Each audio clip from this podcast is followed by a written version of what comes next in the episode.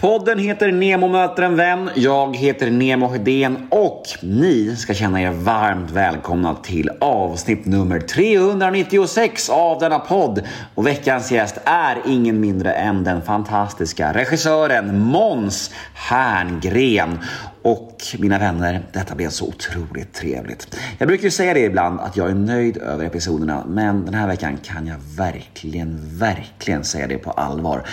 För att Måns är speciell. Han är så ärlig, han är så bjussig och han har så många historier att bjuda på. Så ehm, jag njöt under denna inspelning och jag hoppas ni kommer tycka om det här också. Det vågar jag nästan lova faktiskt.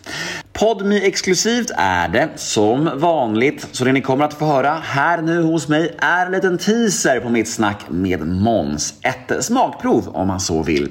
Och vill ni ha episoden i sin helhet, ja då är det Podmi och vill ni ha episoden i sin helhet, ja då är det podmi appen som gäller eller gå in på podmi.com.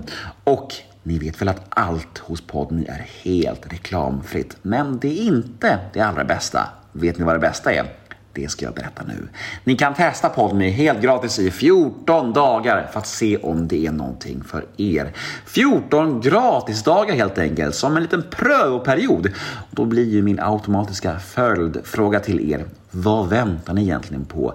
Nyttja denna gratisperiod idag. Jag heter Nemo Idén på Instagram. Följ mig gärna där om ni inte redan gör det. Ni kan också mejla mig på gmail.com om ni vill önska en poddgäst eller bara höra av er. Det är alltid mys när ni mejlar. Och den här podden klipps av Daniel Eggemannen Ekberg. Tack för ett gott samarbete, Daniel. Men nu ska inte jag tjattra någon mer. Nu drar vi igång avsnitt nummer 396 av Nemo möter en vän. Här kommer nu den lilla teasern som jag snackade om med Måns Herngren. Och vill ni ha episoden i sin helhet, ja då är det Podmi som gäller. Men först kör vi en liten jingel. Nemo är en kändis, den största som vi har. Nu ska han snacka med en kändis och göra någon glad. Ja! Nemo, ja det är Nemo. Nemo möter en vän. Vår tid är nu. För det är intressant med det, för du, visst klev du in som regissör i säsong fyra? Mm. Och då tänker jag så här, då har jag lite frågor om det. Eh, hur är det att kliva in i en så stor succé? Alltså vill man göra sin tydliga prägel på det eller vill man försöka och göra det lite som innan så att man inte förstör någonting som är så bra som det redan är? Om jag ska vara helt ärlig, när jag såg första säsongen så var jag så här, ah, fan också att jag inte blev tillfrågad om det här. För jag, jag gillade verkligen den här miljön i restaurang, mat, historia, relation. Alltså det, det var så my mycket det där som jag kände, åh, det här hade jag velat vara med på att göra. Uh, och sen när jag blev tillfrågad om den sista avslutande då, julspecialen, så blev jag så otroligt glad. Uh, Därför att jag just, eh, ja men som jag förklarade där, plötsligt fick jag chansen att göra det jag hade varit lite bitter över att jag inte var tillfrågad om.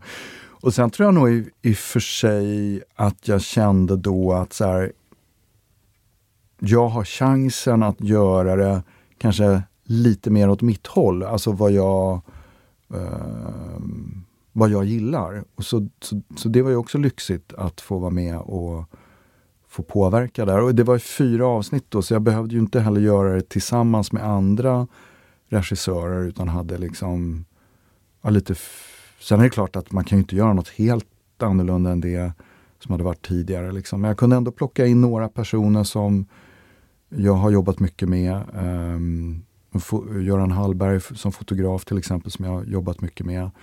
Och kanske lite visuellt göra lite annorlunda. Det kanske inte så många som tänker på när de tittar på det men, men det var väl också det där som också var jävligt skönt att det var inte att jag skulle in i den där studion och göra restaurangen som ju hade utvecklats under 40, 50, 60 och 70-talet utan plötsligt var det en sommarrestaurang ute i skärgården. Så att det fanns mycket i den sista säsongen som man fick sätta som inte bara var att fortsätta någonting som hade varit så att säga. Men tror du att ett oskolat öga skulle kunna se att det är en annan regissör som kliver in i fyran?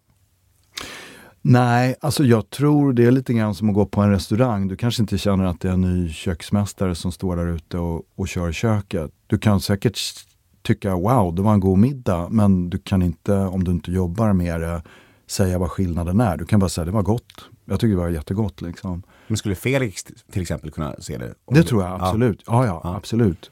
Ehm, och det är ju det som är, det är det som är lite knepigt ibland också. När man har lite så här testkörningar, man håller på att jobba med någonting.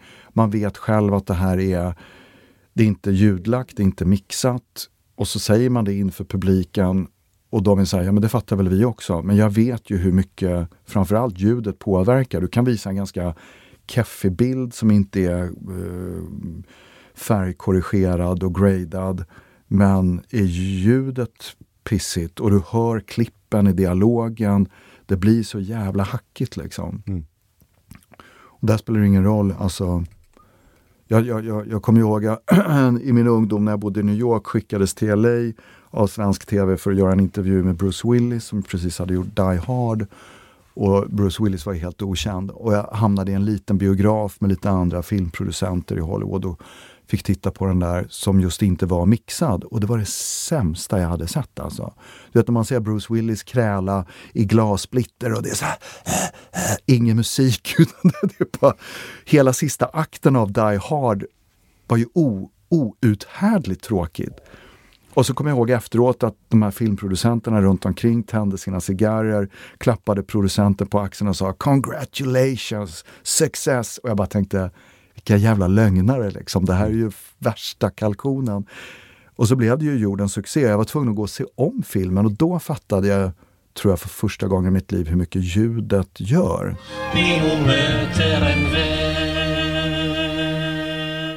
Ja, men där var ju tyvärr teasern redan slut. Där var smakprovet över. Väldigt tråkigt. Han är ju så otroligt älskvärd, den gode Måns. Men vet ni vad? Det finns en lösning på era problem om ni känner att begäret efter mer Måns Herngren finns där hos er.